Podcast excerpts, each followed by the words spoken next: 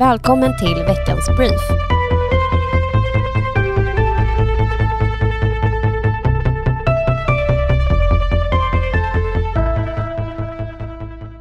Under måndagen var elpriset det högsta någonsin.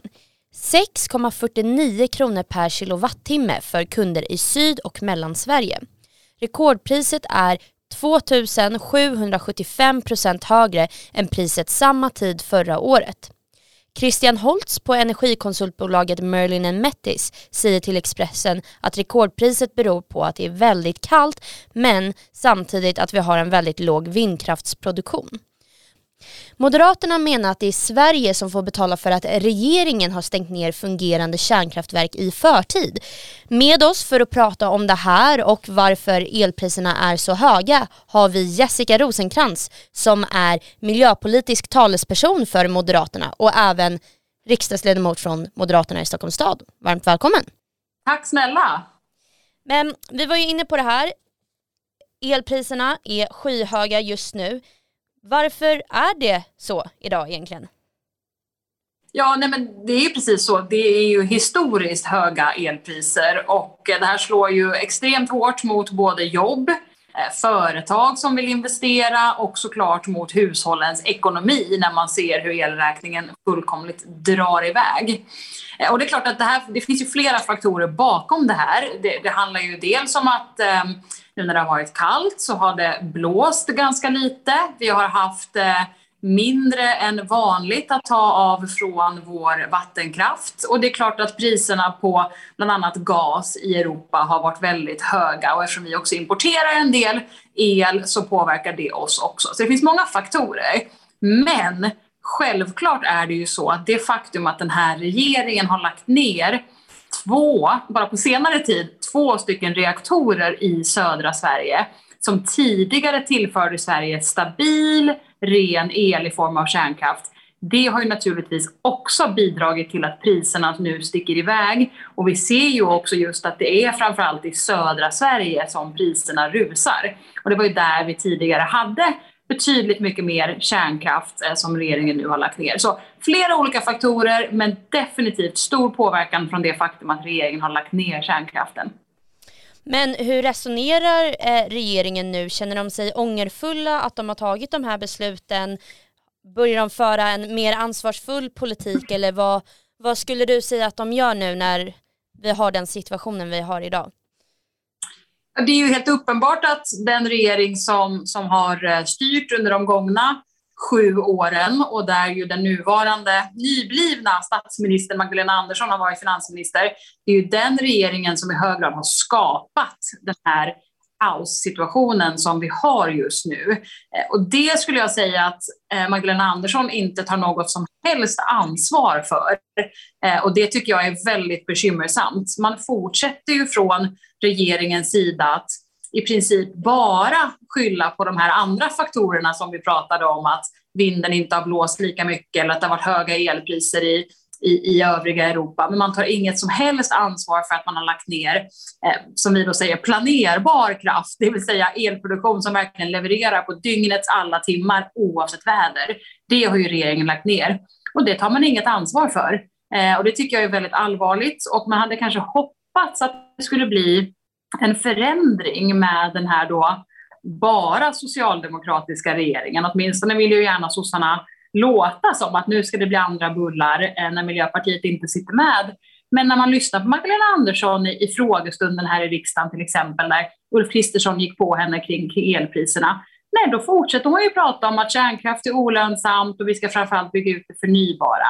Och då har man ju helt missat det faktum att ska vi ha en stabil elproduktion framåt så behöver vi absolut det förnybara, men vi måste också ha kärnkraft och vattenkraft som en bas för att ha stabil el på dygnets alla timmar. Så jag skulle säga tyvärr att vi är kvar i ett läge där Socialdemokraterna inte tar ansvar för den elkris man har skapat helt enkelt. Precis, man kan inte bara skylla på sin regeringspartner Miljöpartiet längre utan man gör faktiskt samma beslut. Men okej, okay, vi säger att vi blickar framåt nu. Det är september 2022. Eh, vi har fått ett maktskifte. Vad är det första en borgerlig regering skulle göra för att göra den här situationen bättre? Jag skulle säga att det, det går inte att nog understryka hur viktig hela elfrågan är. Dels är det ju en fullkomligt akut fråga, för, för som vi var inne på, det här påverkar ju både eh, företag som vill bygga ut, det gör ju att företag eh, drar ner på antalet arbetstillfällen och det slår direkt mot hushållens elräkning. Och allt det här på flera sätt påverkar ju människor med, med företag och jobb och, och ekonomin. Så det här behöver lösas nu, men det är ju också, ska jag säga, en helt avgörande fråga för hela klimatomställningen. Vi säger ju att vi behöver dubbelt, minst dubbelt så mycket el till 2045 för att lyckas ställa om industrier och bilar till att gå på el vi kommer aldrig lyckas om inte vi får ordning på den här elsituationen och då behöver vi mer kärnkraft bland annat. Så eh, vad vi kommer göra om vi vinner valet är ju dels, vilket är kanske det viktigaste, skapa en politisk säkerhet kring kärnkraften så att företag vågar investera. Ibland säger ju sossarna, eh, Magdalena Andersson så sent som idag, att det finns ingen som vill bygga. Det är fritt fram att bygga, men ingen som vill bygga. Men sanningen är ju att till exempel Fortum gick ut bara häromdagen och sa att om man tar bort den politiska osäkerheten, då är det många företag som skulle kunna tänka sig att investera i kärnkraft och det skulle kunna gå snabbt. Så vi vill ju bland annat ändra det energipolitiska målet som idag är 100% förnybart och vi vill ändra det till 100% fossilfritt för att visa alla de som kan tänka sig att bygga, det finns en framtid för kärnkraften. Vi vill behålla kärnkraften som en del av vår energimix. Men sen finns det också flera olika eh, lagliga delar som måste förändras. Till exempel idag får du inte bygga på fler än ett visst antal ställen. Du får inte ha hur många reaktorer som helst i drift samtidigt. Eh, så det finns några sådana liksom förutsättningar vi måste ändra på. Eh, och sen behövs det ju såklart i någon form också pengar. Ett första steg är ju egentligen forskningspengar för att, få, för att kunna bygga de här små modulära reaktorerna och fjärde generationens kärnkraft. För det är ju egentligen det vi pratar om. Vi kanske inte pratar om att bygga nya anläggningar motsvarande hur Ringhals eller Forsmark ser ut, utan mindre reaktorer som på ett mer standardiserat och därmed också mer kostnadseffektivt sätt kan sättas upp. Eller då fjärde generationens kärnkraft där du kan återanvända bränslet på, på ett mer effektivt sätt, vilket ju också är bra för då behöver vi eh, förvara mindre i slutförvaret sen. Så, att säga. Ehm, så det är några, några delar för att få igång kärnkraftsproduktion i, i landet. Eh, men sen också såklart se till att snabba på elnätsutbyggnaden och faktiskt också här och nu avskaffa den väldigt höga skatt på lokal elproduktion eh, som den här regeringen har infört och som slår väldigt hårt mot till exempel våra kraftvärmeverk. Det är också något som skulle kunna få igång elproduktionen ja, här och nu. Det låter väldigt bra. Vi får hoppas att folk kommer ihåg det när de röstar nästa år i september. Du, stort tack för att du ville vara med i veckans brief och förklara det här tydligare. Tack snälla. Tack! Den 6 och 8 december fastställde Moderaterna i Stockholms stad respektive län kandidater till riksdagen inför valet den 11 september nästa år. Riksdagslistan för Moderaterna i Stockholms stad toppas av partiledare Ulf Kristersson och därefter följer Johan Forsell och efter Johan Forsell kommer Jessica Rosenkrantz på en tredje plats och Kristina Axén Olin på en fjärde plats. Riksdagslistan för Stockholms län toppas också av Ulf Kristersson och följs av Tobias Billström. Därefter valdes Karin Enström och Niklas Wykman på plats tre respektive fyra. Kista Limitless är ett nystartat bolag och en gemensam satsning av flera stora fastighetsägare i området. Förra veckan berättade bolaget att de planerar att göra investeringar om mer än 20 miljarder i Kista fram till 2035. Satsningen innebär 8 000 nya bostäder, 8 000 nya arbetstillfällen och upprustad infrastruktur samt offentliga rum med fler restauranger, barer och annat som gör området attraktivt. Finansborgarrådet Anna König Järlmyr hoppas att detta ska stärka integrationen. Finansborgarrådet säger även till Mitt i att staden samtidigt har en uppgift att se till att området är tryggt, att de sätter upp belysning, rensar bort döda träd och buskar och tar hand om Kista även ytligt, helt enkelt.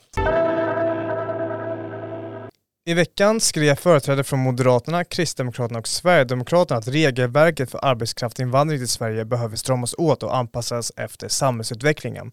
Moderaterna, Kristdemokraterna och Sverigedemokraterna bjuder nu in Socialdemokraterna till förhandlingar. De menar att tillsammans ska vi skapa en stabil majoritet för ett hållbart regelverk.